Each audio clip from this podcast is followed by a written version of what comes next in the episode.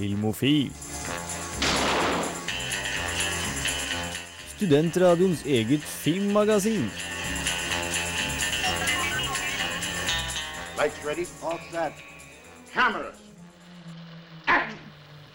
Velkommen, velkommen til Filmofil her på Radio Revolt. Uh, Studentradioen her i Trondheim. Vi er programmet som snakker film. Vi tar for oss alt innenfor filmverdenen. Nyheter, anmeldelser etc. Uh, jeg er Camilla Klein, og med meg i studio har jeg med meg mine, mitt verdige panel av filmeksperter. Gaute Eliassen. Yo, yo, yo. Jens Erik Våler. Hallais! Og Kristine Rokkan Eriksen. Hei, hei. Hvordan føler dere dere i dag, folkens? Fulltallige! Føler meg bra. føler meg bra Jeg er glad for at vi er fulltallige. Ja, første gang i studio hvor vi alle fire filmofilere er i studio. så det- Siden semesterstart. Siden det tok bare to måneder. Så det her er ganske imponerende, faktisk. Det er godt å være tilbake. Yes. Eh, vi skal som alltid gi deg den ferskeste filmnyheteren. Eh, en serieanbefaling, eh, ukas filmlåt og anmeldelse av noen av ukas sine kinopremierer. Og eh, alt det får du, pluss mer, etter eh, Death Crush har eh, gitt oss en låt med Lesson Number 13 for Nanker Felge.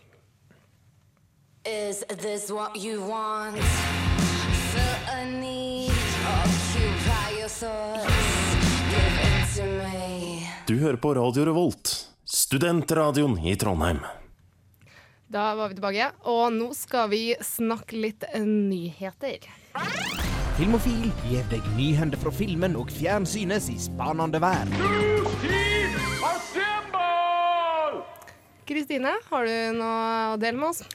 Ja, jeg har en uh, liten godnyhet uh, om den neste Anchorman-filmen, som jeg tror mange gleder seg til. Det kan bli spennende. Det er at uh, selveste Harrison Ford skal være med. Og det kan jo komme som en overraskelse på noen, for han tenker du ikke på med en gang du tenker Will Ferrell-komedie. Nei. Nei. Men jeg tror det kan bli jævlig kult. Ja, jeg tror det blir en sånn ironisk eh, det sånn- aktig rolle. At han spiller sånn grumpy reporter, Mm. og så kommer eh, Anchorman og bare ødelegger hans eh, ja. Det kan, Karriere, gjøre, det kan gjøre seg, det. Det kan gjøre seg, det, ja. Ja. Så det, det tror jeg kan bli dritbra. Den eh, kommer vel i desember, 20. desember er den eh, klar. Så ja. Jeg vet i hvert fall eh, en kompis som eh, elsker alt av Will Ferrell. Det store hoved... eh, det er liksom det han gleder seg til i år. Så det kan bli gøy. Jens Erik? Ja, jeg må jo igjen snakke litt grann om denne potensielt kommende Justice League-filmen til eh, Warner Brothers og DC Comics. Fordi eh, nå har det vært eh, enda mer omveltninger i produksjonen av den filmen. Latino Review, som har vist seg å være ganske flinke til å avsløre ting som skjer innad i Hollywood og tegneseriefilmenes verden, Noe jeg syns er ganske artig, liksom. Jeg, Ja. ser, ikke helt uh... Nei, altså, opprinnelig var det et nettsted som skulle ta for seg filmer av og om latinamerikanere. Men så ble det til noe helt annet til slutt, da. Eh, nei da, så nå eh, ryktes det at eh, Justice League ikke skal være så mye en Justice League-film, men en slags eh, team-up-film av Batman og Supermann med noen andre superhelter sånn, litt sånn i periferien, da. Og i tillegg så sies det at Warner Brothers er villig til å betale veldig mye penger for å få Henry Cavill tilbake som Supermann i en Justice League-film, og ikke minst Christian Bale som Batman mm. i en Justice Jeg har med League-film. en tvil, da. Ja. Jeg tror Justin, Christian Bale er dritlei av å være Ja, det, Det tror jeg òg. I hvert fall med den stemmen. Ja, Den er. Han gjør det jo så bra. Ja, ja, men Eh, Og i tillegg så eh, ryktes det at eh, Christopher Nolan nå har fått eh, hva skal jeg si, det overordnede ansvaret for hele DC-filmatiske universet. oh, shit. Det, Det vet ikke jeg om jeg har lyst på. Så jeg tror ikke han passer til en sånn type film. Nei, Nei, det, det gjør altså, Det syns jeg absolutt ikke at han gjør. For, altså, men han har jo denne produserrollen på den nye Supermann-filmen, og eh, den kan jo være god, eh, for alt vi vet, men at han skal si hvordan hele dette tegneseriefilmuniverset til DC skal gå, det tror jeg er litt eh, verre å få til. For ja, jeg vet ikke, jeg, jeg vil gjerne se en Justice League-film som, som har noen sånn kvinnelige figurer i seg, og ikke bare mannfolk, rett og slett, som skal være så superprofesjonelle og steinharde og, og Hvis de, har, følelsesløse. hvis de har klart å gjort det Marvel har klart i forhold til um, og samla de den samme gjengen eh, rundt Avengers, så hadde jo det vært dritkult, liksom. Mm. Men eh, som du sier, det er nok heller tvilsomt at de kanskje får med Christian Bale, men fytti grisen så kult det hadde vært, liksom. Jeg tror det blir, Ja, jo, men Problemet er jo at liksom, altså Batman-filmene og sannsynligvis Supermann-filmen er liksom De er liksom the gritty version. Ikke sant? Yes. Og en sånn team-up-film kan bare ikke være Nei, det er gritty. sant. Liksom. Det er sant. det går ikke. Nei. jeg skjønner liksom ikke hvordan de skal kaste inn f.eks. The Flash eller Wonder Woman eller en del andre DC-helter i det som skal være sånn ja, mørkt og, Ja. og dystert Ja. og realistisk og alle de greiene der. De, det er rart hvordan de hele tiden klarer å snuble over sine egne føtter på denne Mm. måten, men ja, Warner Brothers har tydeligvis klart det igjen. Og, Og denne filmen skal komme ut om ca. halvannet år, to år ish. hvis det blir, da. Hvis det blir Ja, noe av. De har ikke en regissør, de har ikke skuespillere, og de har ikke et manus.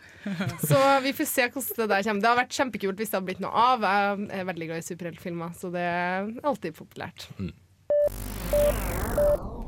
Eh, og sist så eh, har de nå lagt ut eh, de nominerte for MTV Movie Awards, noe som jeg syns alltid er veldig stas. Det pleier ikke å helt samsvare med Oscaren som regel, Absolutt ikke. men, men det er gøy lell. Det er helt klart gøy. Så, det Er skal er det noen spenstige kategorier i år? De er jo ganske kjent for å ha ting som er eh, de, de gir jo ut priser for de aller meste. De gir, de gir liksom de vanlige prisene for beste kvinnelige hovedrolle, beste, beste kvinnelige performance. Da, så det blir jo ikke, De har ikke biroller og sånn som det, og, og mannlig og etc. Og beste film. det er de har- men de har også de artige MTV-prisene Best What the Fuck Moment, eller WTF Moment.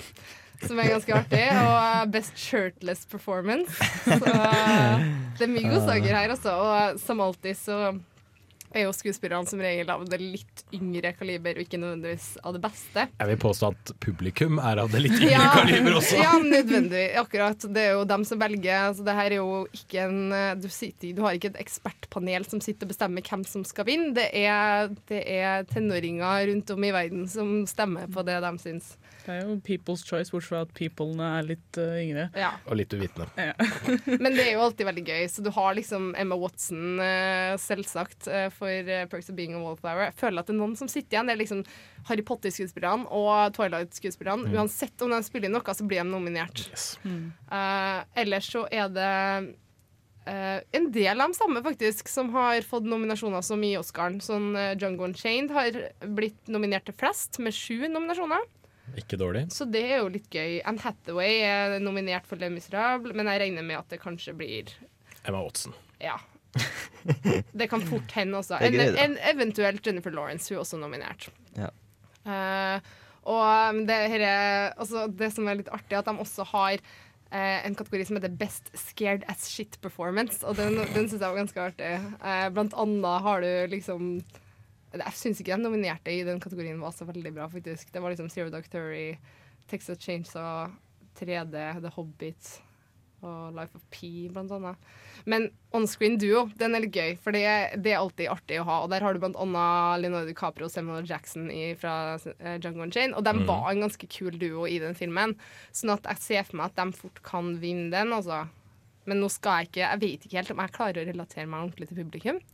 Kanskje ikke. Jeg tror ikke Jeg tror du Jeg litt tror de over fleste av dem er sånn ti ja. år yngre enn deg. Eh, Så. OK, nei, Når, men da når vi så på MTV, så var det faktisk eh, music television, så Det er veldig sant. Vet du hva, Det begynte å gå vekk fra det selv da, altså. Ja, ja, jo. Nei, men det, de har egentlig Jeg husker det var noe snakk om det for noen år siden, hvorvidt de fikk lov til å hete MTV fremdeles. Ja, de Ja, de- heter ikke music television Nei, nei, lenger, de det er heter MTV. bare MTV. Ja, men M-en sto jo for music. Ja, Ja, men men ikke nå lenger. lenger. Nå står det bare MTV, det står ikke Music Television. Nei, det de fjerna det for ganske lenge siden. Eh, ellers så har de også Best Kiss, som alltid pleier å være en eh, kategori der. Eh, og der også er Ted nominert til ganske mange. Jeg tror den kommer til å håve inn ganske mange, faktisk. Det tror jeg nok. Sånn at eh, det kan bli gøy. Det var det vi hadde av eh, filmnyheter for første omgang. Skal vi ta oss og Lage den lyden. ja, lage den lyden? Og så skal vi gi dere litt mer filmnyheter rett etter The Underachievers med Gold Soul Theory.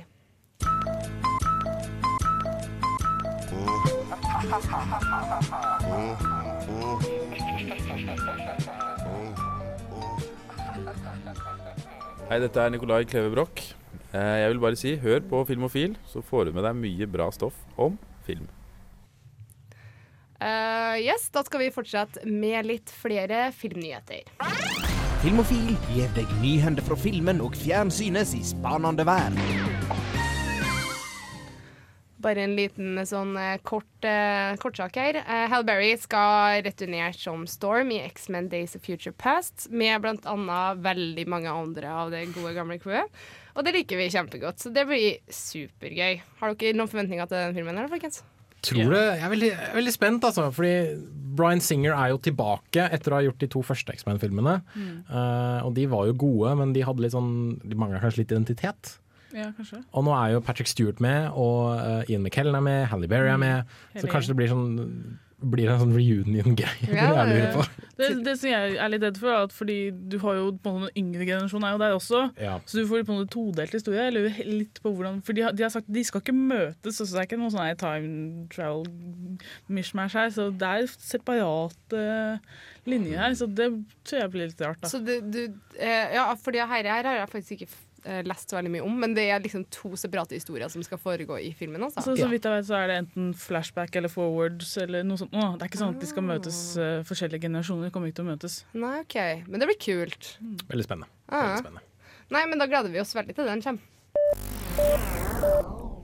Ja, og så har vi en annen kjapp litt nyhet, og det er at The Hobbit, eh, The Unexpected Journey, har akkurat passert én milliard i worldwide box office. Så inntekter, altså. Ja, inntekter. Ikke dårlig, det, ikke dårlig. det fortjener den, og for tiden er jævlig bra. Og jeg, jeg hjalp til med å se den tre ganger på kino. jeg angrer ikke i det hele tatt. Jeg kan godt, godt se den igjen. Såpass, ja. Nei, men da har vi åpenbart en eh, fan her. Gaute, du hadde litt uh, større nyhet eh, å dele med oss. Ja, i hvert fall eh, av det lokale slaget, da. Fordi at eh, de nominerte til Kanonprisen eh, er blitt eh, annonsert. Og jeg kan jo si litt for dem som ikke vet hva Kanonprisen er, så er det en pris som ble opprettet i 2005 som, i forbindelse med Kosmorama, eh, ja, filmfestivalen i Trondheim som heter Kosmorama. Som er en eh, som, Den blir stemt av, av de ulike fagforbundene i filmbransjen, så det er ganske prestisje, da å eh, vinne denne prisen, som, eh, ja, som blir holdt her i Trondheim på Byscenen. Og det er skikkelig proft show med det er skuespillerne og alle som har filmgjort sitt i salen, som, som på en Oscar. Og det, når det, de går opp på scenen og annonserer de nominerte, og det er innslag med underholdning. Og, så det er, det er veldig stas. Og man kan, eh, hvis man har, tør, så kan man gå rundt og mingle med alle skuespillerne rundt der. For de går rundt og tar Gaute seg var jo der i fjor. Ja, jeg torde ikke å gå rundt og mingle med Prøv å, prøv å tøffe oss litt mer i år, da, om kanskje Ja, vi får snakka med noen av dem. Men vi kan jo heller begynne å snakke om eh, eh, hvem, som er, hvem som har fått nominasjoner. Og det er jo det, er- det er liksom de vanlige kategoriene. Så, og vi har fant ut at imellom oss har vi sett eh, det meste. Vi kan jo ta det viktige. Sånn eh, beste kvinnelige hovedrolle. Der er Laila Goody og Ragnhild Hilt fra eh, Som du ser meg nominert. Mm. Og den, ja. De spilte veldig bra, begge to damene, så Mm. Var det Laila Goody som var hun kleine sykepleieren? Ja. Ja. Hun, hun skal vinne. ja, det var faktisk kjempeartig. Aldri But I don't know how you How you could can take some- manage it in yeah, such a short while. time, Ja. Ja, jeg må få se den. Også Cecilie Mosley fra Kompani Orheim, som jeg syns er bare en sånn vanlig mammarolle, så jeg har ikke så trua på det. Men eh, sånn filmmessig så er det jo Klassisk mammarolle. Ja, men bare sånn, hun er mamma, fordi at Ja. Så, men eh, vi kan, for det er, liksom, det, det er liksom de gode filmene da som er blitt nominert, da, eller fra sånn som Kon-Tiki, Kompani Orheim, som du ser meg, som vi snakka om, og Mer eller mindre Mann, og Into the White, og det, ja, det går liksom mye de samme filmene. Uskyld òg, med denne. Ja, uskyld òg, med denne. Og så øh, sånn, ja, Beste mannlige hovedrolle, der er f.eks. Kristoffer Joner i Kompani Orheim nominert, og han syns jeg gjorde en eh, veldig, veldig god rolle. Til tross for at han bare måtte betale regninger, var det ikke sånn?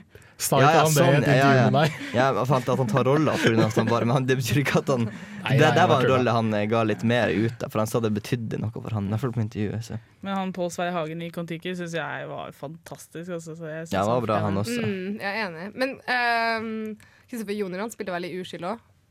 Ja, ja, ja, Man var ikke nominert for den, han var nominert for eh, Kompani. Nei, han Men- fikk litt hets for den eh, rollen, skjønner du. Fordi at er- eh, de skal jo ikke Jeg vet ikke helt hvor de skal befinne seg i landet, men de hadde egentlig sagt at de helst Ja. ville ha han til å snakke en annen dialekt, men det hadde han Ja, nekta. Det er grusomt. Jeg Ja, irriterte vettet ut av meg gjennom hele filmen. Ja, grusomt. Så Og så sier at de, de sier at han er svensk, altså født svensk. Og flytter til den lille bygda. Ja. Som ikke, men han snakker ennå sin dialekt, som Ja, ikke er i nærheten ja, av den riktig. bygda. i det hele Sånn tatt, så det det, er helt bisart. Ja, det er litt sånn Det er litt sprengt. Ja. Men, men. Det blir noe utrolig gøy å Ja, men, ja, Vi kan ta én kategori til. Jeg synes Beste regi er på en måte den viktigste. man må jo Mm. ta så, og det, For jeg synes det er litt rart, for der er ikke Kon-Tiki nominert. Så ja, Det var litt overraskende da, at Mm. eh, vårt Oscar-bidrag ikke er nominert til eh, beste regi. Men uh, der er det Arild Andresen for Kompani Orheim og Dagrun Haugerud for Som du ser meg og Sara Johnsen for Uskyld. Så, ja. Det Bare for å nevne det. Men det blir gøy å se hvem som går av med prisene. Og jeg håper vi får dratt på showet, for det er skikkelig gøy. Det Ja. gjør vi nok. Det skal vi helt klart prøve. Fikse pressepass til Kosmorama. No stress. Det får vi ordna. Det var det vi hadde av uh, filmnyheter for i dag. Um, og så skal vi uh, gå gjennom noen anmeldelser av uh, Eller vi skal ta for oss eh, ukas kinopremierer rett etter vi har hørt James, James Blake med 'Retrograde'.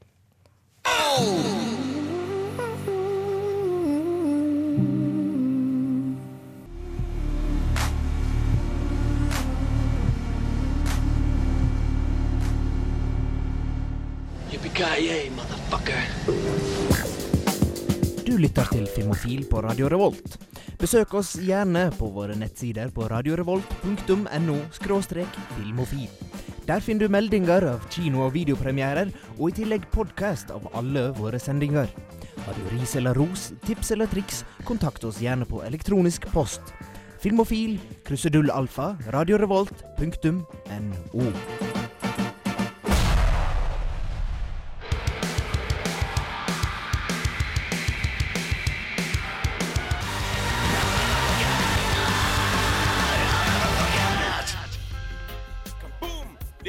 Man bigging up all the gang them looking hot and ready and sexy. You're listening to Radio Revolt in Atran MCT.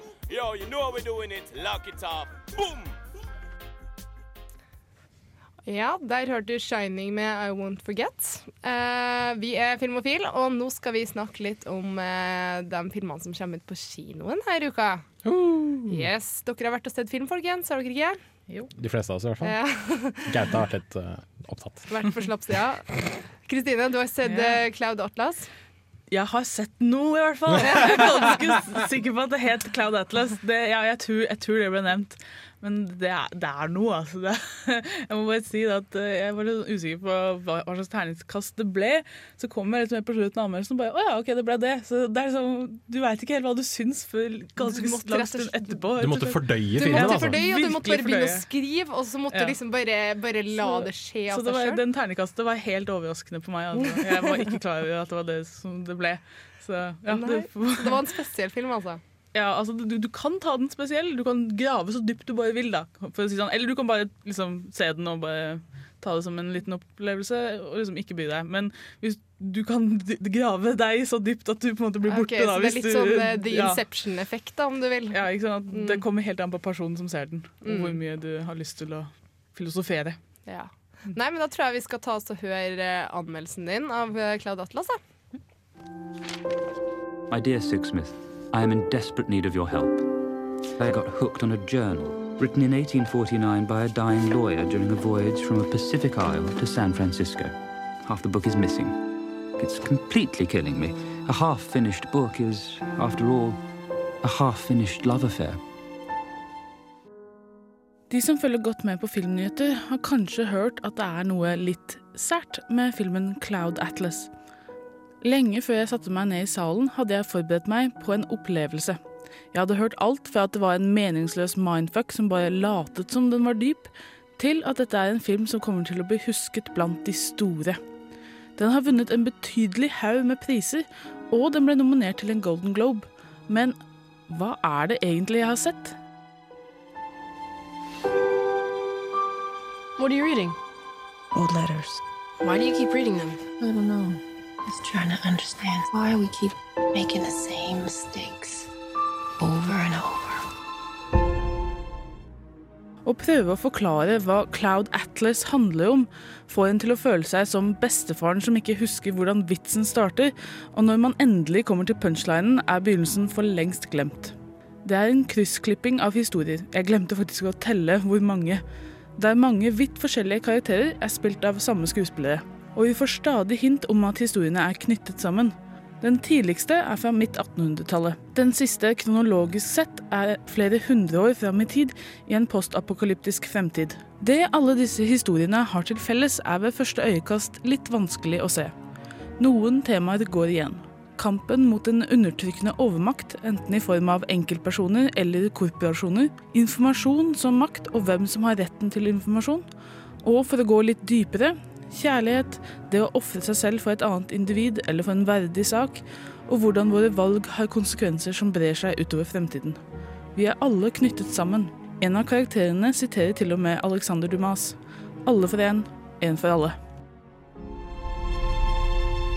Our lives and our choices, each encounter, Louisa Ray, Spyglass Magazine. right, Suggests a new potential direction.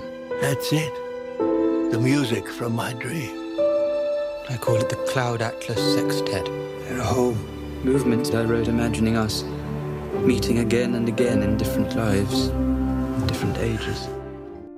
Det mest snodige med filmen ved første øyekast er uten tvil hvordan kjente skuespillere dukker opp i roller som er langt fra det man forventer. Noe som ikke var helt vellykket. På en måte så fungerer dette i og med at vi vet at de har møtt før, og vi vil fokusere intenst på å oppdage det minste hint. Problemet for noen er at oversminkingen blir et distraherende element i en allerede overkomplisert film. For meg var det både og. Skuespillerne selv gjør en utrolig bra jobb i noen roller, i andre kanskje ikke så mye. Tom Hanks spiller den postapokalyptiske primitive mannen veldig bra, men han overbeviser mindre som en røff cockney gangster. Det morsomste med hele eksperimentet var å sitte igjen under rollelisten og oppdage alle karakterene til én skuespiller. I believe there is another world waiting for us, Sixsmith. A better world. And I'll be waiting for you there. Cloud Atlas forteller mange historier på en gang, og dette medfører en febrilsk klipping. I starten er dette overveldende, men hvis man bare lar det vaske over seg, så går det noenlunde bra. Men jeg tror ikke jeg kan unngå å måtte se den igjen for å få med meg alle detaljene. Ellers følger alle historiene relativt like spenningskurver, som gjør at tonen i filmen blir uniform. Selv om en av plottlinjene om en gjeng gamlinger som rømmer fra et gamlehjem, slenger ut mye overraskende humor midt i en ellers ganske dyster historie. Så hva er egentlig Cloud Atlas? Den er i hvert fall ingen enkel film, men den trenger ikke være så vanskelig som man kanskje frykter. Den er storslagen, men personlig. I det ene sekundet flyr vi over en fremtidsby, litt Blade Runner meets Minority Report, så plutselig er vi i et herskapshus i England på 30-tallet. Men det unike med filmen er at de begge føles like viktige. Aksepterer man filmens premiss uten å overanalysere, så er alt knyttet. Den er vakker, fascinerende og polariserende. Jeg kommer nok til å se den igjen mange ganger, ikke bare for å finne alle hintene, men for å oppleve det hele igjen. Terningkast fem.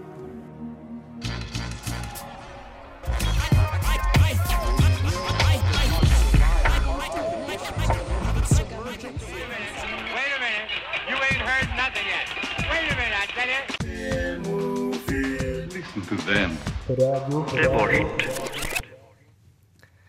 Der hørte du Don Atlas med Nei, Don Martin. det var det. Æresdrap Takk heter skal du ha. takk skal du ha, Det forsvant for meg. Og før det så hørte vi Kristine sin anmeldelse av Claude Atlas. Eh, eller Cloud Atlas, unnskyld. Cloud høres ut som et navn.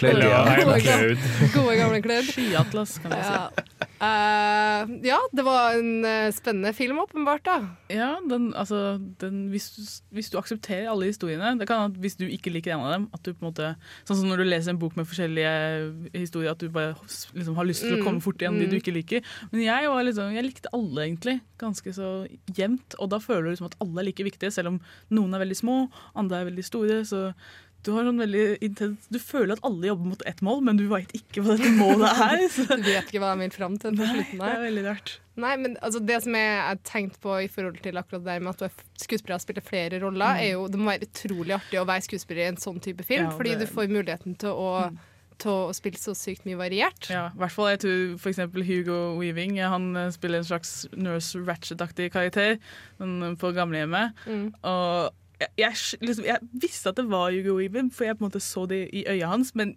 jeg glemte det hele tida. Jeg satt der Å, shit, det her er jo weaving, liksom, hele tida. Det var helt for sminken er, er helt Ja. Den er ekstrem. Bizarre, altså. Ja, kult. Uh, ja, gud av meg, jeg vet liksom ikke hvor jeg skal starte. Men altså, så vidt jeg har skjønt, så er det at uh, midt i filmen så kan du bare klippe til en helt annen historie. Ja, så Det klipper frem og tilbake hele tida. Det er Men konstant. hvordan, hvordan, hvordan klarer man da å vite at de er koblet? altså, Hvordan er de koblet sammen, uten å liksom Eh, altså, avsløre for mye? hele tiden, For eksempel han ene Det er en sånn eh, komponist, spilt av Ben Wishaw, helt fantastisk spilt, eh, som eh, eh, blir hekta på en bok som han i den første historien har skrevet. Eller du har en eh, melodi som han ene drømmer om, som, som er fra en, eh, en fremtidshistorie. da. Mm. Som, men han på en måte, denne melodien har en eller annen grunn gått gjennom tiden. Og så har de flere av dem har samme fødselsmerke, som ser ut som en slags shooting star. Og den går igjen hele tida. Du ser det på så å si nesten alle av hovedkarakterene. De har det fødselsmerket. Mm. Og så har du flere at uh, du, føler, du tror at den postapokalyptiske lever med konsekvensene til det som skjedde i den, den nest altså den historien som ligger litt bak den. da. Så du på en måte hele tiden, du ser at ja, de, det er kobla sammen. Og han ene på en måte er gammel i den en som, altså Han er ung i den ene, og så er han gammel i den neste historien. altså Du vet at han følger med. at, at At han er den samme karakteren? ja, det er den samme okay. karakter. Så okay. det er én karakter som flytter seg fra den ene historien til den andre, bare okay. med alder. liksom. Ok, men det er kult. Eh, ja, så de er alle connecta på én måte, i hvert fall. En ting jeg lurer litt på er jo det visuelle i filmen, for to av de tre regissørene her er jo uh, uh, Wachowski-søsknene, Mm. altså Andy og Lana heter hun vel nå, for han Ja, var jeg tror det. Ja, det var en mann først, og så viste det seg ja, viste at han var transseksuell. Og her er det kvinne. både menn som spiller kvinner, og kvinner som spiller menn. Men så det er hvor- ingen, I filmene? Ja. ja det Men hvor- og de er jo kjent for en del liksom, ja, kall det spesialeffektrunking, Mm. da. Ja. Eh, er det sånn i Cloud Atlas også? Uh, Det er I den fremtidshistoriene så er det en del spesialeffekter. Spesielt den fremtidsbyen eh, som du ser, er veldig sånn Matrix-aktig. Ja, veldig sånn stilig og Mm. lys og blinkende reklame overalt og sånne ting. Men eksempel de historiene som er satt til fortiden, eh, den på 1860-tallet, tror jeg, og så er det en på 1930-tallet, de er veldig sånn ja, subdued, egentlig. Altså, de føles veldig sånn genuint sånn costume drama-aktig. Det er litt sånn den perfekte film sånn egentlig for Ja. regissører. Fordi at det er liksom, Jeg har lyst til å lage en film om det, jeg har lyst til å lage en film Ja, om det, jeg har lyst til å lage et historisk drama, jeg har lyst til å lage en sci-fi-film etc. Alt Så det av alle sjangere. Veldig som at det er fem eller filmer Jeg husker ikke hvor mange historier det er, jeg har ikke telt dem. Men men her er et spørsmål. Da, sånn, uh, si at en skuespiller har gjort ekstremt god prestasjon i flere roller. Mm. Uh, kunne han da blitt nominert for forskjellige roller? det var et godt spørsmål. Hæ? Det, For eksempel? jeg vet ikke, jeg tror ingen av dem har I så fall må det være Tom Hanks, da, for han er den som har kanskje størst Han har to hovedroller, på en måte. relativt store roller. Men ellers har de alle på en måte én som er altså Jim Sturgis har kanskje de to største rollene. Eh, for han er liksom hovedpersonen i to av dem. Mm. Eh, men ellers så er de så små, de andre rollene, at du Ja. måte ikke merker at de er der før de er borte. Det er helt utrolig gøy på slutten Og bare Oi, shit. Men Hal Berry har vel en ganske stor rolle? ja, hun har også, ja, hun har også to store roller. Hun har liksom det. for hun har liksom fortellerstemmerolla, det? Eh, ja, i en av dem. Okay. Så, er jeg, føler, så er jeg på en måte en slags guide, og så er jeg vel en sånn reporter på 1970-tallet som driver og undersøker et atomkraftverk. Så der har jeg ganske stor rolle. Og så har jeg den fremtidsrollen med Tom Hanks. Eh, Begge to er sånn en postapokalyptisk eh, fremtid. og Hun prøver å leite etter en måte å kontakte kolonier på andre planeter. Da. Stilig. Jeg gleder meg skikkelig til å se den, og jeg tror det er som du sier, en film man må se opptil flere ganger. Ja, man må det. Uh, når vi kommer tilbake, så skal vi ta oss og høre Jens Erik sin anmeldelse av Hitchcock. Skal vi få høre Brolin med Reisha- først.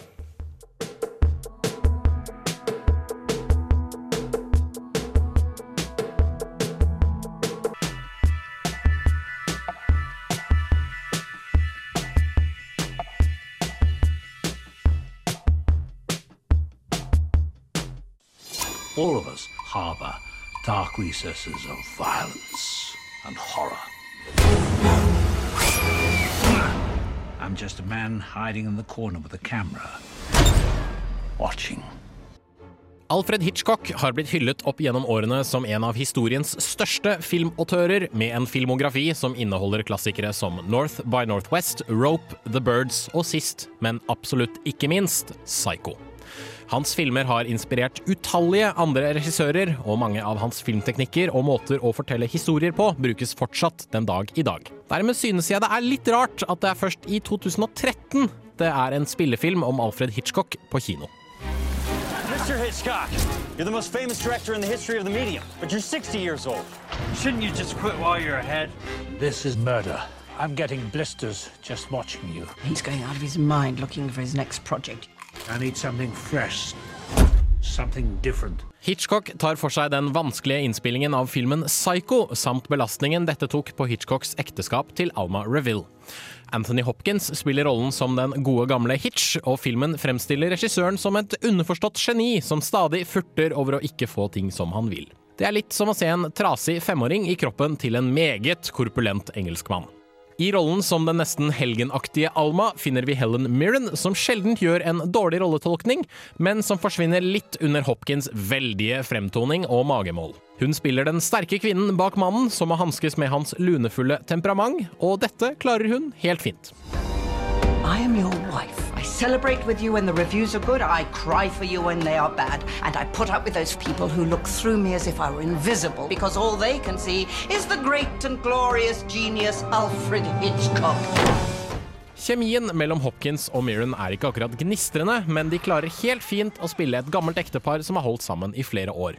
Jeg tror på ekteskapet mellom dem. Mirren er den som får de store følelsesmessige spenningstoppene, mens Hopkins tilsynelatende trasker rundt med en tønne rundt livet og tonnevis med sminke for å kunne etterligne Alfred Hitchcocks overvektige kropp.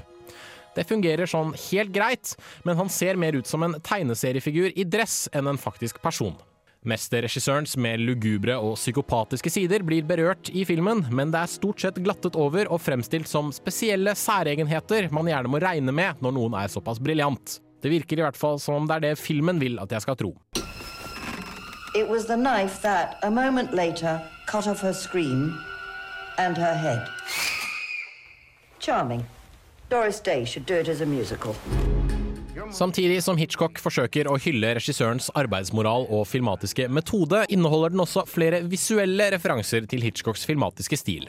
Filmen åpnes og avsluttes på samme måte som TV-serien Alfred Hitchcock Presents, og den velkjente silhuetten av Hitchcocks hode i profil dukker opp i en rekke forskjellige scener. Referansene går dog bare såpass langt, og det er ellers lite ved filmen som gir den et særlig særpreg. Skal du stappe inn Hitchcock-referanser i en film om Alfred Hitchcock, burde du gå stort eller droppe det fullstendig. For jeg syns det er lite vits å holde seg tilbake, da Hitchcock sjelden gjorde dette selv. More! More anger! You start to be! Homicidal right! Filmen om Alfred Hitchcock er som en pose med blandet drops, der de fleste godbitene allerede har blitt plukket ut av noen andre. Filmen klarer likevel å klinke til med de virkelig gode øyeblikkene noen ganger, men alt gjøres så trygt og tamt at det er lite ved Hitchcock som virkelig fenger 100% Filmen mangler noe ordentlig som kan stå på spill, for selv om Hitchcocks ekteskap virker i fare, blir alt ordnet etter en litt ensidig krangel og en kjapp montasjesekvens i tredje akt. Ganske synd, egentlig, for en film som handler om en mann som en gang ble erklært spenningens mester. Terningkast tre. Ja, der hørte vi Hitchcock av Jens Erik Våler. Ja, det er Anmeldelsen av Hitchcock, da, av, Ja. av meg. Ja. Ja. Det var Jeg har sett den sjøl. Jeg syns kanskje den var litt bedre enn du gjorde, men eh, Det er absolutt lov. Jeg sjekka på nettet og fant ut at det er en god del mennesker som syns den er litt bedre enn hva jeg syntes. Men det, var en, eh, men det var en artig film i forhold til Anthony Hopkins. Og sånn lest det, jeg litt om det der i forhold til hvorvidt han eh, det var litt sånn, Han fikk litt sånn bu for at han ikke la på seg vekta, da, for at det er liksom det man skal gjøre. Da. Ja, Man skal bli feit ja, for å spille en rolle. Det synes jeg ikke når du Men, altså, nei, altså, den Anthony Hopkins er jo litt korpulent nok fra før. Nei, han er ikke så veldig mye lenger nå, skjønner du. Men helsehals må få lov til å Akkurat det jeg tenker jeg også. altså, han er en gammel mann nå, han har ikke råd til å legge på seg Han er ikke noen. Christian Bale som skal spille Batman og så Akkurat. og sånne ting. Altså det, unge får lov til å holde på som de vil, men uh, man må ikke, skal ikke kritisere noen for at de ikke vil risikere helsa. Altså. Men jeg, jeg er for så vidt enig i forhold til at det har vært gøy å få den litt ekstrem film, da, siden han var en ekstrem mann. Um, Mm. Jeg så også den uh, The Girl, som kom ut, kom ut i år, den? Eller Den, eh, altså, den ble produsert i 2012, da, altså, den kom ut Fordi altså, Hitchcock jo, har jo vært ute i USA en god stund nå, Mm. og den og The Girl kom, sånn, kom ut sånn cirka samtidig. Mm. The Girl ble kun vist på HBO og handler om innspillingen av The Birds, Birds. The Birds og, og Marnie, tror jeg. Ja, ikke så veldig mye om de, Marnie. de to filmene Ja. som Tippi Hedren var med Mm, i. mm. Og den tar Hitchcock Eller tar liksom Alfred Hitchcock fra et helt annet lys da, og viser han som en ja, langt mer psykopatisk uh, gærning enn Ja. det han kanskje uh, vises i denne filmen. Da. Ja, enig. Nei, men det er jo helt tydelig at han hadde et uh, litt spesielt forhold til, eller sånn romanse av en del av sine bland leading Ja, actors. og det, det kommer opp her også at han, han har en tendens til å sitte og stirre på, på alle disse kvinnfolka og liksom har masse bilder rundt seg da, av masse blonde damer som han har hatt med i filmer før, og som han har med i, i senere filmer. Men det kommer liksom aldri noe ut av det. Det er bare det at kona hans kjefter på han litt grann om, eh, om det, og så eh, blir det til syvende og sist at ja, jeg er kona di, jeg har ofra så og så mye for deg, og nå må du bare sette deg ned og høre på hva jeg har å si, unge mann. Mm. Og så, så blir det bare ferdig med det, liksom. Og så skremmer han uh, Scarlett Johansson som Janet Lee i eh, garderoben hennes, og så er det ha-ha. Morsomt. That's it, ja. Ja. Mm. Nei, nei, men det er noe artig med film. Jeg syns noe sånn biografi, nei, biografiske filmer Eller blir det biografisk når det er film? Kaller det, Ja. altså, biopic er vel ordet Ja, i ja. engelsk. Altså, biographical. Så Ja. ja, det blir vel biografisk. Jeg, jeg syns sånne filmer er sykt artige, faktisk. Ja, men uh, anbefaler Ed Wood, da. For å bare Ja, det ut. Absolutt. ja. Det er også en film som både hyller og gjør litt narr av. mm, den genial. regissøren den tar for seg. Og liksom, den kjører stilen til eh, regissøren det handler om, Mm. fullt ut. Mm. Som jeg også synes eh, den her kunne ha gjort, da, noe den absolutt ikke gjør. Og det er veldig leit, da. den prøver seg jo litt, da, som du sier, at den tar og trekker enkelte referanser. i hvert fall. Ja, og den har noen sånne litt sånn skremsels... Eller den har ett sånn skummelt øyeblikk hvor du skvetter litt, men det blir liksom Det føles som sånn halvhjerta kopier. Da, sånn her, ja, vi lager en film om Alfred Hitchcock, så da vi må jo ha med den der, Vi må jo ha med denne silhuettscenen, f.eks. Og vi må jo ha med at det starter med at han vender seg til kamera og snakker og sier at han er Alfred Hitchcock, og det må jo slutte med at han sier at 'jeg har vært Alfred Hitchcock', etc. Mm. Men utover det så, så er det Det føles påklistra som om det må være der. Ikke fordi noen har hatt lyst til at det skal være der. Mm. Ja, ja, men eh, det er nå også en film som er på kino denne uka, så dere kan dra og se den hvis dere, er en liten, hvis dere har en liten sånn uh, kjærlighet. Ja, hvis Ja. du er glad i Hitchcock eller interesserer deg for det, så er det jo gøy å se uavhengig om den er ekstremt bra eller ikke. Vi kommer straks tilbake. Først skal vi høre Verdensrommet med alt det du sier. Alt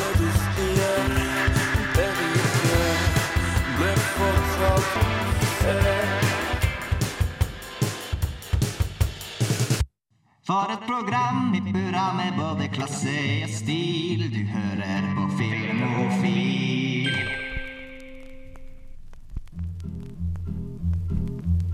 Take your mind on a trip with the traveler. More spit than your fit days on the calendar. It's amazing how I blaze with the challenges. Raise up the bar, raise up. Mm.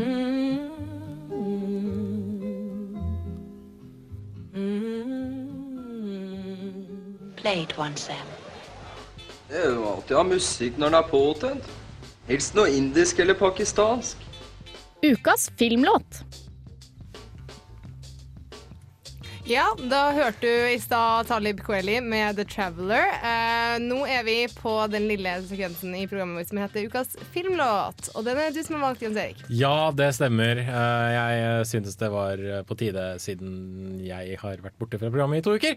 Eh, Så eh, for å ja, skru opp eh, feststemninga litt, nå som vi er sånn ca. halvveis ute i programmet, så tok jeg med meg en eh, ganske så festlig liten eh, låt fra en ganske så festlig liten film, som var en av Jim Carreys store gjennombrudd. Mm. Eh, Og, Og ikke Cameron minst Diaz. Cameron Diaz sitt Mm. store gjennombrudd, da hun var sånn 19-20 år eller noe sånt. nå. Du var ganske hot, jeg, men. Ganske hot. Ganske Smellvakker. Fy flate. Uh, jo, nettopp. The Mask. Uh, der Jim Carrey får bruke sitt gummitryne for alt det er verdt. Uh, og ser jo til og med ut som gummi, for han er jo knall grønn i store deler av filmen.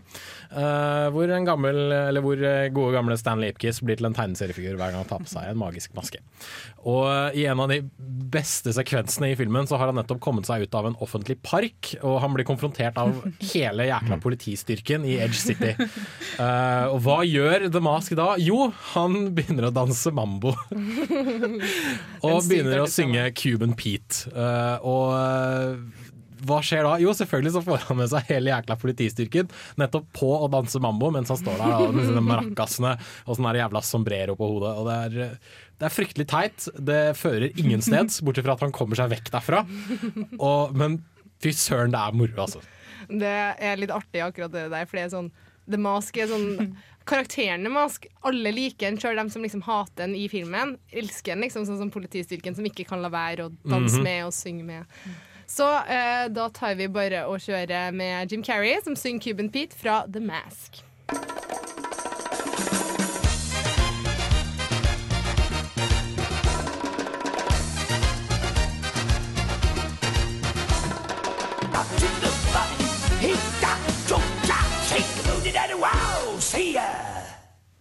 Se der, ja. Det var litt gøy, da. Hæ?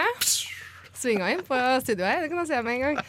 Herlig var Eh, det. var veldig godt å høre. Jim Carrey er alltid gøy. Han har noen bra sanger fra en del Ja, eh, det-. Så han har De, de, gangene han in, altså de gangene han tar mikrofonen og synger i en av filmene sine, uh, I'm there, altså. Det er kjempegøy. Jeg tror vi har spilt den når han synger I Need Somebody to Love fra Yes. Cable Guy også, før vi Cable Guy. det. Det er også sykt morsomt. Mm, Karaoke-session. Det er Ja. ganske gøy.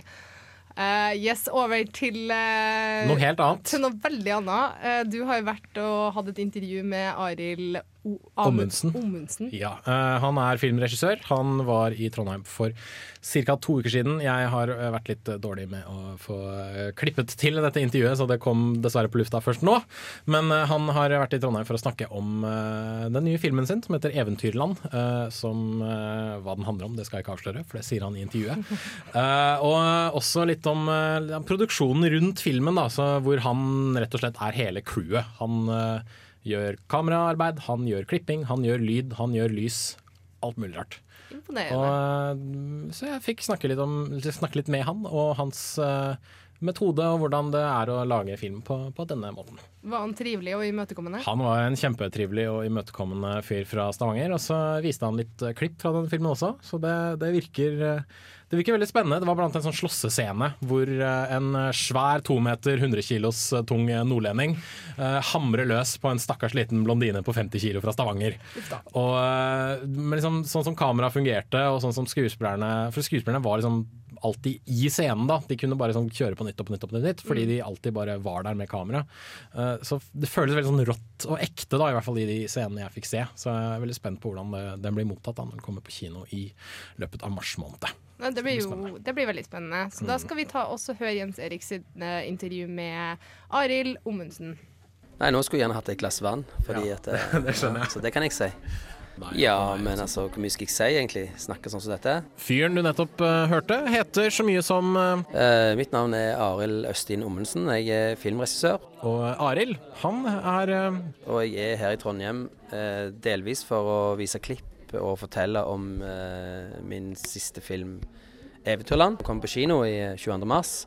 Men òg for å fortelle om eh, måten vi har jobba på denne filmen, som er litt annerledes enn eh, enn i det jeg har gjort i det siste. Altså Det mest eh, på en måte iøynefallende er at jeg har ikke hatt noe stab på denne filmen. Så jeg har liksom hatt eh, alle funksjonene sjøl, foto, lyd og alt det der. Så vi har istedenfor å ha en stab på 40 mann som jobber i 30 dager, så har vi vært eh, ingen stab og jobba i over et år. Hva som skjedde under innspillingen og produksjonen av filmen, forteller Arild som et slags foredrag som han reiser rundt i Norge med. Som et slags foredrag, ja. ja. Det en merker er liksom at uh, det som mange som driver med film eh, er hele veien interessert i, det er hvordan, hvordan kan en få på en måte bedre tid til å eh, gjør det som er viktig, nemlig eh, lage filmen. Altså at skuespillerne får lov til å, å gjøre det de skal. Og da var det eneste mulige løsningen, hvis vi fremdeles vil betale folk, var å kutte så kraftig ned på, på staben at at lønnsutgiftene der ble null. Sånn at eh, lønnsutgiftene har vært eh, stort sett til, til skuespillerne. Det er ikke en lavbudsjettsfilm, det er bare en film som er lagd på en måte som gjør at eh, budsjettet blir lavt. Alt dette her høres jo ganske spennende og eksperimentelt ut, men eh, filmens handling har vi ikke hørt noe om ennå. Det handler om ei dame som har uh, sittet i fengsel eh, i mange år fordi hun har eh, sk eh, skutt eh, sin egen mann og eh, en mann til. Eh, så hun sitter i fengsel i, i, eh, i mange år. Og filmens egentlige historie begynner når hun kommer ut av fengsel og skal prøve å eh, gjenoppta kontakten med dattera si, som da har blitt eh, ni år. Og de utfordringene hun møter, som er alt fra å få vann i leiligheten til å slåss mot eh, forferdelige gangstere fra hennes eh, fortid. Så det er på en måte en historie som eh, på en måte kanskje minner om historier du har sett med Vin Diesel, som kommer ut av fengsel og skal ta et oppgjør med fortida si. Bare her er det liksom her er hovedpersonen ei 52 kilo eh, pingle av ei dame som må slåss mot akkurat de samme eh, kreftene, da. Kanskje dette her vil sette i gang en slags eh, filmgeriljatrend innenfor eh, norsk film. Arild har eh, også vært en trendsetter tidligere med den nye Stavanger-bølgen innenfor norsk film. Du er jo under 100 år, så du kjenner jo ikke til det. Stavanger-bølgen. Nei, poenget var at jeg eh, lagde en film i 2001 som heter Mongoland. Som var den første filmen som spillefilmen som var blitt lagd i Stavanger. Og etter det så, så har det jo kommet noen flere, men jeg tror kanskje det viktigste var at eh, i den filmen Mongoland så var Kristoffer Joner, Pia Tjelta, Silje Salomonsen var der, Vegard Hoel var der. Mange, mange folk som en har sett i film senere. Så det er mer en sånn Det er mer en, det er mer en medieting enn at, enn at det enn at det var så spesielt, men det, det var på en måte Det var noe vi gjorde i den tida, og så fikk det konsekvenser. Jeg sleit med det en stund og tenkte liksom ah, Stavanger-bølgen der, men nå har jeg bare omfavna det og tenker at ja, ja, men det er fint å, fint å være han der fyren, eh, den gamle nissen som eh, fant opp kruttet i Stavanger for 100 år siden.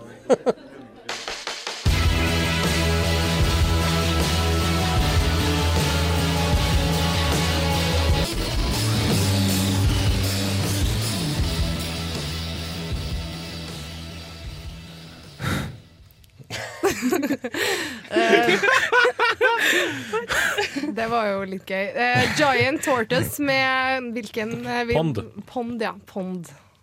Det var litt gøy.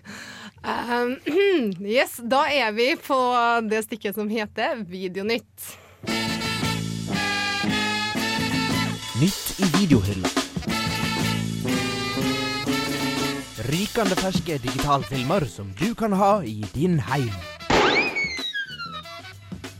Det var faktisk ikke en så dårlig uke for video denne uka. Det kom, har kommet ut ganske mye. Ja, altså Det kunne jo for så vidt vært verre, men uh, herregud. eh, er du glad i live action Asterix og Obelix, så er Asterix og Obelix og britene ute i, sånn, i Blu-ray og DVD. Uh, kjør på. Jeg, jeg foretrekker de animerte filmene, for å være helt ærlig. Ja. Men det er fordi jeg er purist og syn- school. ja, litt old school. Og syns ikke at han som spiller Asterix er lav nok til å spille Asterix.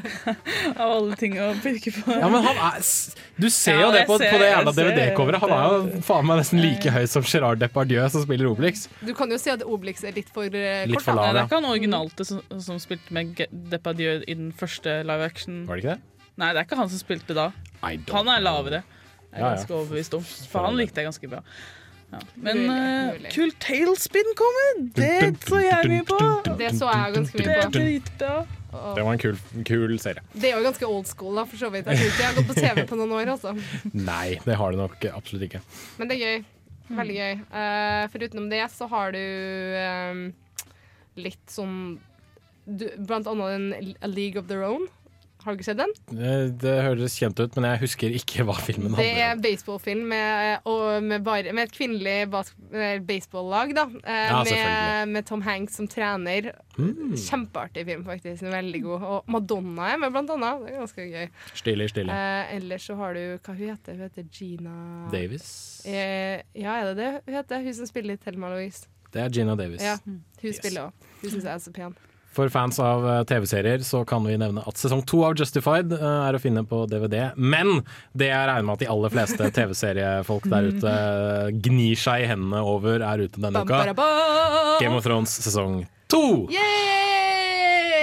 På tide, i og med at Game of Thrones sesong tre starter om ikke så altfor lenge. Winter is coming! Vinteren, er for vinteren, vinteren forlater oss, den. Men ja.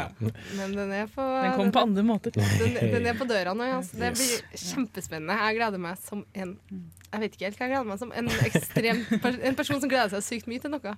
gleder deg som en unge. Mm, unge. Ja. Det var ordet. Yes. Mm. Vi kan også nevne for eh, skrekkfilmfans at Sinister er ute på Blu-ray og DVD. Eh, Camilla ble dritskremt av den da hun måtte se den på kino. Det er helt spesielt, faktisk. Jeg og Kristine skulle dra og se hver vår Jeg husker ikke hva den andre filmen var, men vi det var noe jeg ikke ville se, i hvert fall. så- Jeg ville se Sinister. Ja. Så Kristine møtte opp klokka åtte og skulle se Sinister, eh, og jeg møtte opp klokka ti og skulle se et eller annet annet. Jeg tror det var sånn at Kristine så uskyld, og du så Sinister. Ja, det var uskyld, og det Dere fikk bytta om uh... Jeg skulle egentlig se Uskyld. Jeg hadde sagt at jeg kan ikke se skrekkfilm, Fordi for det første så klarer jeg ikke å se på det, langt mindre å anmelde. Eh, Men jeg dro og så den, og jeg syns det var ganske kult, faktisk. Nå har jeg egentlig veldig lite å referere til i forhold til skrekkfilm, men jeg syns den var ganske bra. Jeg har sett noen fi- skrekkfilmer før, og, og, og den skremte meg ganske bra, og da er vel egentlig purposen eh, fullført, skulle jeg si. Yes. Så jeg syns Ethan Hawke spiller hovedrollen der, og han spiller ganske bra. Jeg liker han der, faktisk. Så litt sånn bortgjemt perle fra 90-tallet, føler jeg. Han ser ut som han trenger å bade. Han ser litt skitten ut, men det er liksom, det, det er liksom bohemstilen hans som er men Han er ikke så skitten i denne filmen, da. Men han er flink skuespiller. Han er også veldig klassisk eh, skuespiller. Han eh, gjør en utrolig versjon av Hamlet. Mm. Kult. Han spiller, ja, han spiller i en annen sånn Nei, glem det. Han spiller spiller en moderne versjon av Hamlet, i hvert fall, som Ja. er veldig bra. Mm. Veldig spesiell. Hvis vi har noen fans der ute av romantiske komedier, så kan jeg nevne at Twilight-sagaen Breaking Dawn del 2 er ute på Blu-ray og DVD. Oh my Kristine. god, I've been waiting so long for this! Herlig! Jeg skal ta på rommet! Jeg har hele rekka på soverommet. Ah. det ser det hver eneste søndag. Yeah! OK, slash sarkasme over nå. Nei, men altså, nå, det, er jo film, det er jo filmene vi elsker å ha, så jeg er veldig glad for at Twilight eksisterer. Mm, det gir meg veldig Det gir deg mye i livet. Det gir meg veldig mye fornøyelse, så jeg, jeg har ikke noe vondt å Altså, si sånn. det er like gøy å være uh, twi-hard som det, være, altså, som det er å å være twi-hater, for å si det Ja, sånn. ja, ja, ja. Det er to, liksom, two nei, sides men- of the same ja, coin. Men jeg er ikke hater heller. Jeg bare syns at Jeg er hater. jeg, jeg føler at hvis man hadde sett på Hvis, hvis alle skuespillerne hadde vært veldig sånn Det her er det artigste dere noen gang kommer til å se. Liksom. Dere må se det her. Hvis det hadde liksom blitt presentert på den måten Men det er ikke det. Nei, jeg vet det, det men hvis det hadde at Jeg er litt der at Ja, jeg liker å gjøre det. det. Men i hvert fall. Siste film i Twilight-serien. Det er, jeg kjente at det var litt eh, Det var litt episk når jeg satt i kinosalen og så den. Altså. Altså, den er ikke så ille ut ifra sånn, hvor den er laget. Det er bedre kamerateknikk. eh, Ikke så ille sånn at du sitter og snurrer rundt Bella i tre faktisk måneder. altså, det, det er, altså, altså, de scenene vi, på honeymoonen deres, da.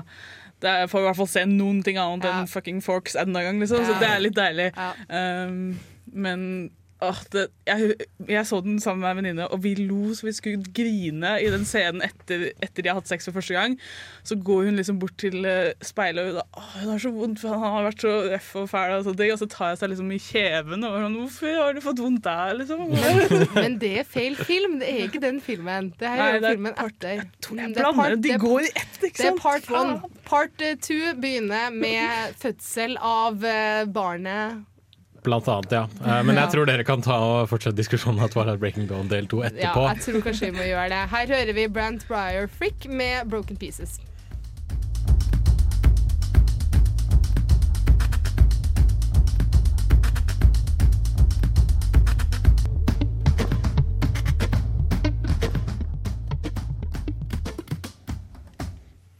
Yes, da er vi tilbake. Vi var midt i en heftig diskusjon om eh, Twilight Breaking Dawn del to. Altså, jeg tror du og jeg kan snakke oss i hjel om denne filmen her. Altså, Jeg husker Kristine. ikke én film, jeg husker bare en kontinuerlig lang Twilight-saga. Men det er nok sånn de ønsker at det skal Ja, være òg. Sånn at da har de jo Nå har vi endelig ferdig samlingen, da. Så Ja. Men ja, den siste filmen har kommet ut, eh, og det er sikkert veldig spennende for mange. Den er på video nå, så det er bare å løpe og kjøpe det. Ja, jeg løper rett ut av studio nå, altså. Helt, ærlig, jeg tror faktisk jeg må ha det. Det er et fenomen eh, i vår tid som er som, som filmelsker, og forhåpentligvis en dag filmviter, så, så er det noe man bør kjøpe. det du gjør, du, tar, du kjøper den, setter den på stille, drikker et par øl, og så sier du linjene du ville sagt istedenfor. Eller Da- det eventuelt, eventuelt slår av lyd og dubber. Med, humorist, med humoristiske stemmer. Men eh, du eh, Camilla, som eh, forhåpentligvis skal ta en mastergrad i filmvitenskap etter hvert. Der har du et fenomen Mm. for Ja. forskningen din. Det er Twilight-serien. Der har du et fenomen for, for en masteroppgave. Helt. Sikkert et eller annet der man kan trekke fram. Ja, nei, jeg regner med at det er ganske mye av det. Antageligvis. Ta norske Twihard, det kan jo ta som tema. Twihard, var det du sa? Norske Twihards. Ja, ja, sånn, ja. Så kanskje de har noen spesielle måter å feire sin Eller bare, eller bare uh, zombie- og vampyrfilmer som fenomen. Ja, For det- det er det Som romantiske fenomen. Som romantiske For nå snart kommer jo denne Warm Bodies. Det er sant. Det er sant. Snart kommer denne Warm Bodies, og det er jo nok en eh, romantisk film om eh, døde ting. Mm. Og Only Lovers Left Alive. Men folkens, det er flere nevneverdige filmer som er på videohylla denne uka her. Uh, blant annet de urø den franske filmen 'De urørlige'. Yes. Um, Kjempefin Flate for en herlig film. Ja, veldig. Jeg er helt enig. Jeg eh, Kall meg gjerne sentimental, men da jeg så den på kino, så bare hypnotiserte den meg med all sin godslighet Ja. og sin gjøre narr av franske ting-het, hvis det er noe i det hele tatt. Er det, hva er, det er frankofil når man liker franske ting. Hva når man gjør narr av franske ting? Nei, da, den er vel kan, Parodisk, kan man kanskje kalle den. Uh, ja. Men for å oppsummere kjapt, det handler om en eh, fyr som sitter i rullestol. Han er lam fra halsen og ned. Og han trenger en, en fyr som kan ta vare på han. Og eh, inn i dette her da, så kommer en eh, fyr fra gettoen og eh, er egentlig bare på jobbintervju for å kunne få trygde, eller arbeidsledighetstrygden sin. Så man bare får liksom, ja, bevise at jeg har vært på dette jobbintervjuet, så bare stikker jeg og henter pengene mine. Men så tenker han at vet du hva, han fyren her, han, han liker jeg. Han, han bullshitter ikke folk. Han glemmer at jeg sitter i rullestol. Og så blir det da selvfølgelig et, eh, som seg hør og bør, et varmt vennskap ut av dette her, da, hvor de, de hjelper hverandre med forskjellige ting. De støtter hverandre, og de, eh, begges liv blir bedre av, av det som foregår, selvfølgelig. Kjempefin Og det er en historie vi har sett utallige ganger før. Mm. Men likevel, så, i hvert fall i Urørlige, så syns jeg det hele presenteres med en utrolig sånn fin, varm humor som man kanskje ikke finner i alle andre sånne filmer.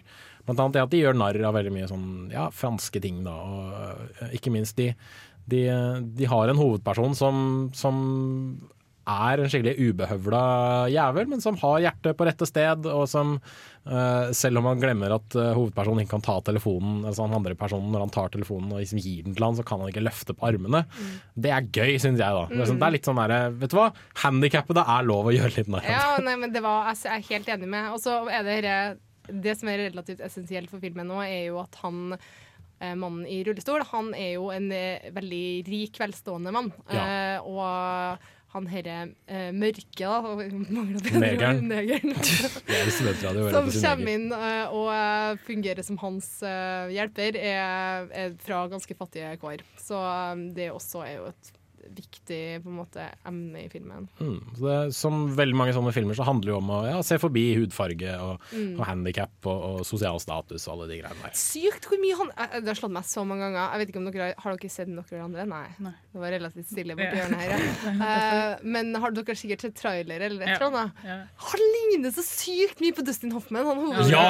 Det er helt drygt, Ja! liksom. Han er den franske Dustin Hoffman. Ja, det er helt drygt hvor mye han ligner på han. Så jeg ser for meg at hvis de lager denne filmen i USA, så må nesten Dustin Hoffman spille ja, hovedpersonen. Eh, og så tror jeg de må få uh, jeg vet ikke, Mos Def eller en eller annen litt sånn Ja. høy, eh, Mm. litt sånn breiskuldra, mørkhuda person til, som også kan være morsom da, til å spille, Mm. spille han kompisen. Jeg syns det er litt kompisen. rart at den ikke ble nominert i beste um, Beste utenlandske? Ja. Ja, jo, kanskje, men det er jo som sagt en sånn film man ser veldig ofte, så kanskje Oscar-akademiet ikke er så begeistra for det. Hvem vet.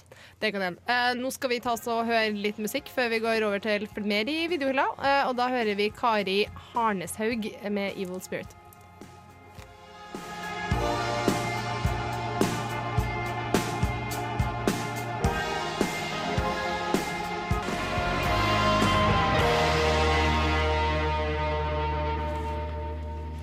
Der hørte du The Besnard Lakes, 'People of the Sticks'.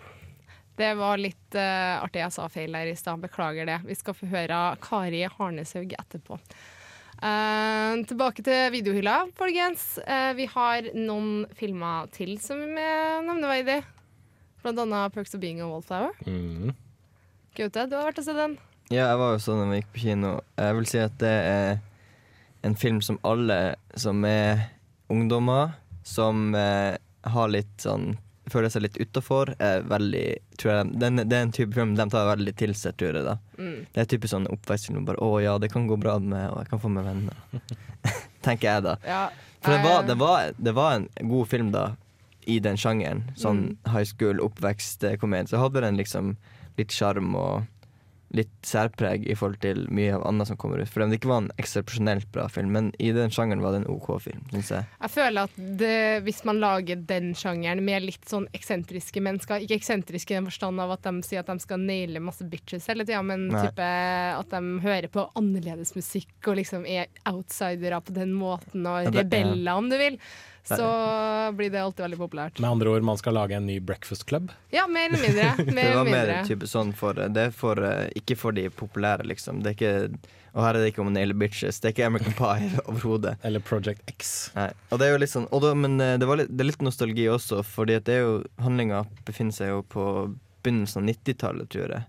Mm. Som egentlig ikke blir sagt i filmen, men eh, Tenkte jeg ikke over i det hele tatt. Nei, men hvis du hører på musikken, så, tenk, så, eh, så eh, sier de til en Bowie-låt bare sånn 'Å, shit, hva det her er det beste jeg har hørt'. Ja, ja, jeg vet. Jeg sånn reagerte på det der, da, at de ikke visste hva den het. Nei da, så det, er, det, det foregår på begynnelsen av 90-tallet, men det, det tenker du, det tenker du overhodet ikke Nei. etter, for det fant jeg ikke ut før etterpå. Så jeg tenkte bare over musikken til det var litt rart, men ja.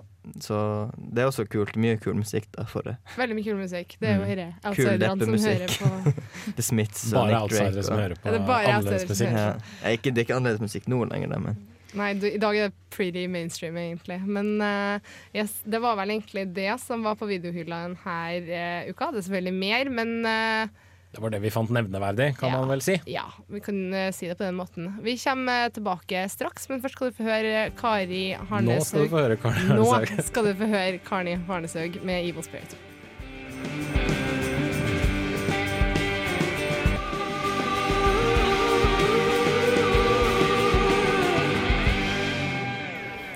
jeg er eh, Agnes Kittelsen, Og jeg er Aksel Henning, og det er viktig at uh, dere hører på Filmofil. filmofil.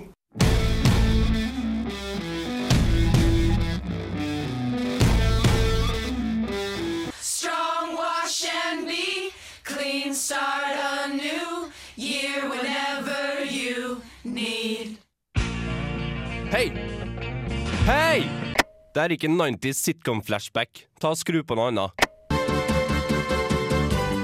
Ja, bedre, men prøv igjen. Der, ja! Ahem. Filmofil presenterer ukas serie. Ja, eh, da har vi ukas serieanbefaling. Eh, og jeg har eh, fått æren av å velge ut denne uka, og det er New Girl. Eh, er det noen av dere andre som har sett noe av det her? Det hørtes ut som uh, chick... Chick-serie. Chick-serie. Jeg Det har litt- hørt om den. ja. Jeg vet at den har blitt Den har til en viss grad blitt sammenligna med Big Bang Theory, bare for jenter, tror jeg. Ja, det er ikke så dum eh, sammenligning, det. For her er jo hovedrollen, i motsetning til Big Bang Theory, hvor at det er mer mannfolkene det handler om. Eh, så er det Jess som er hovedrollen her. Eh, Jess blir spilt av Zoe Deschanel, uh, og hun er en skuespiller jeg liker veldig godt. Jeg Hun med de digre øya. Digre, digre øyne. Hun er ekstremt sjarmerende. Spiller annet i 500 Days of Summer, så hvis dere forelsker dere i den jenta som spiller Summer i den filmen, så og det tror jeg faktisk det var en del som gjorde. Hun var jo så slem. Hun var jo strengt tatt det. Hun Ja, var hun skikkelig kjerring. Jeg ble faktisk- mer forelska i han uh, Joseph Gordon-Levitt. Gordon-Levitt. Ja, det ble alle så. Putte, stille i kø, bare. jeg. Men i hvert fall, da. Hun spiller hovedpersonen Jess, um, som uh, har funnet ut at kjæresten har vært utro mot henne, og må derfor flytte ut og finne seg da et, bo, uh, et kollektiv om med tre mannfolk. Og Jess er en veldig sånn særegen person. Hun hun, hun spiller roller Zoe spiller alltid på en måte samme type jenter. Og det er en jente som det er veldig enkelt å forelske seg i, fordi at hun er litt quirky og ditten og datten og veldig utadvendt og sånn som det. Det er vel de som blir kalt for The Manic Pixie Dream Girl. eh, Som liksom skal eh, komme inn og redde den litt sånn eh, halvveis eh, livsleie hovedpersonen fra hans, eh, fra hans eh, liv. Med sin litt sånn quirky syn på, på verden og Mm. ting rundt henne. Mm, spiller egentlig samme rolle også i, i Yes Man, hvis dere har sett den, med Jim Carrey. Ja. Mm. Med der? Ja, det er hun som spiller frøkna. Det Det kan jeg ikke huske gang. Men uh, ja, i hvert fall. Uh, så hun bor med tre vidt forskjellige guttene også, uh, som blir spilt av Jake Johnson, eh, Max Greenfield og Lamorne Morris. Aner ikke hvem de er. Jeg har ikke sett dem i noe før, jeg heller. Men det, til sammen så gjør de et sånn veldig godt kollektiv. Hun, Jess har en sånn tendens til å bryte ut i sang. Hun synger nesten alt hun tenker. Så hun liksom synger ja, random setninger. Sånn som det. og det er egentlig veldig sjarmerende når du ser det i den sammenhengen. Og siden det er Zoe de Chanel, og hun er relativt sjarmerende. Mm. Så guttene blir glad, ja, og det er veldig det der i forhold til det å date og være på begynnelsen av 30-årene, slutten av 20-årene, det er vel mer begynnelsen av 30-årene.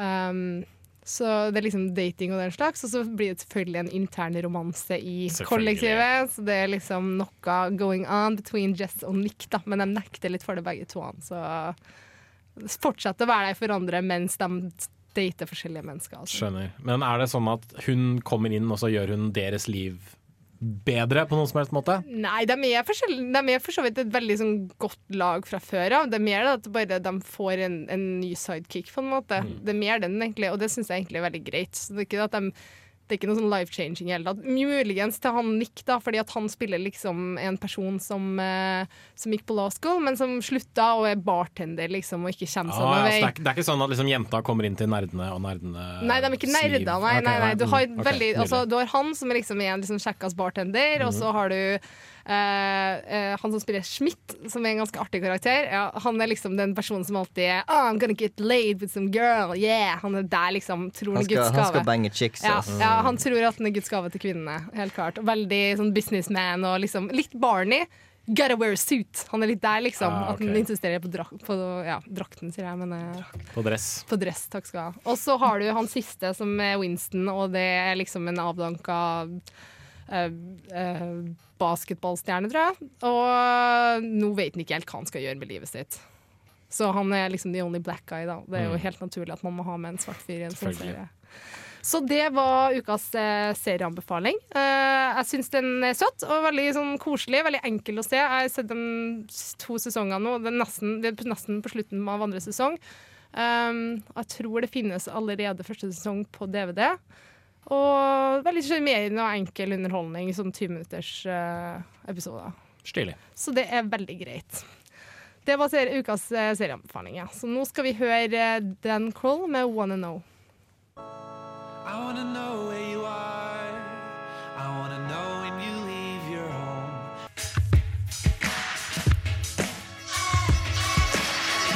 Yippee-ki-yay, motherfucker. Du lytter til Filmofil på Radio Revolt. Besøk oss gjerne på våre nettsider på radiorevolt.no filmofil. Der finner du meldinger av kino- og videopremierer, og i tillegg podkast av alle våre sendinger. Har du ris eller ros, tips eller triks, kontakt oss gjerne på elektronisk post. Filmofil, krusedullalfa, radiorevolt.no.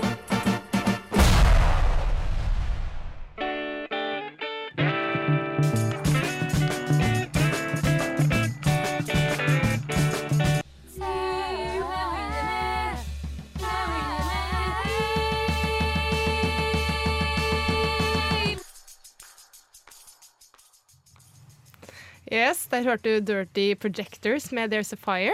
Uh, nå har vi dessverre kommet på slutten av sendinga vår og tenkte vi skulle ta en liten oppsummering, sånn at dere lytterne vet hva vi har nevnt og snakka om i dag. Uh, kinoanmeldelse har blitt gjort av eh, Kristine, blant annet. Uh, Cloud Atlas. Mhm. Fikk en eh, overraskende femmer. Litt sånn i sjokk ennå, kanskje. jeg vet ikke. Det blir kjempegøy. Jeg gleder meg masse til å se den. Jeg må se den igjen, da, så Mm. bare for å forsikre meg at, det, at jeg husker det riktig. For å si det sånn. Det blir spennende. Jeg gleder meg. Mm. Og Jens Erik, du har vært og sett Hitchcock. Ja, den fikk en terningkast tre. Eh, De, eh, de plankekjører litt mye, syns jeg. Og det er veldig mye som bare gjøres veldig trygt, da. Som kunne vært gjort mye bedre. Mm. Syns jeg, i hvert fall. Ellers så er Twilight blant annet på eh, video nå. Det må nevnes. Det må nevnes. De urørlige og The Perks of Being a Wallflower også på video. Så det er en del nytt som har kommet på video. Så det kan være verdt å ta seg turen til, eh, til eh, Platekompaniet. platekompaniet og sjekke hva de har. Uh, og ellers så har jeg anbefalt uh, New Girl. Som er en koselig serie. Veldig enkel og lett. Type Big Bang Theory, som man kan se. Så har vi hørt på Cuban Beat. Ja, Cuban Beat av med Jim Carrey fra The Mask. Så det var jo ganske digg. Dra og se The Mask. Den er faen meg rå. Ikke på kino, da. Nei, det er selvfølgelig ikke, men den får du jo kjøpt for sånn Herregud, så gammel film. Den får du sikkert kjøpt for en 50 spenn på internett. Ja, eller noe sånt. Den er jo, 50 spenn på VHS får du kjøpt den.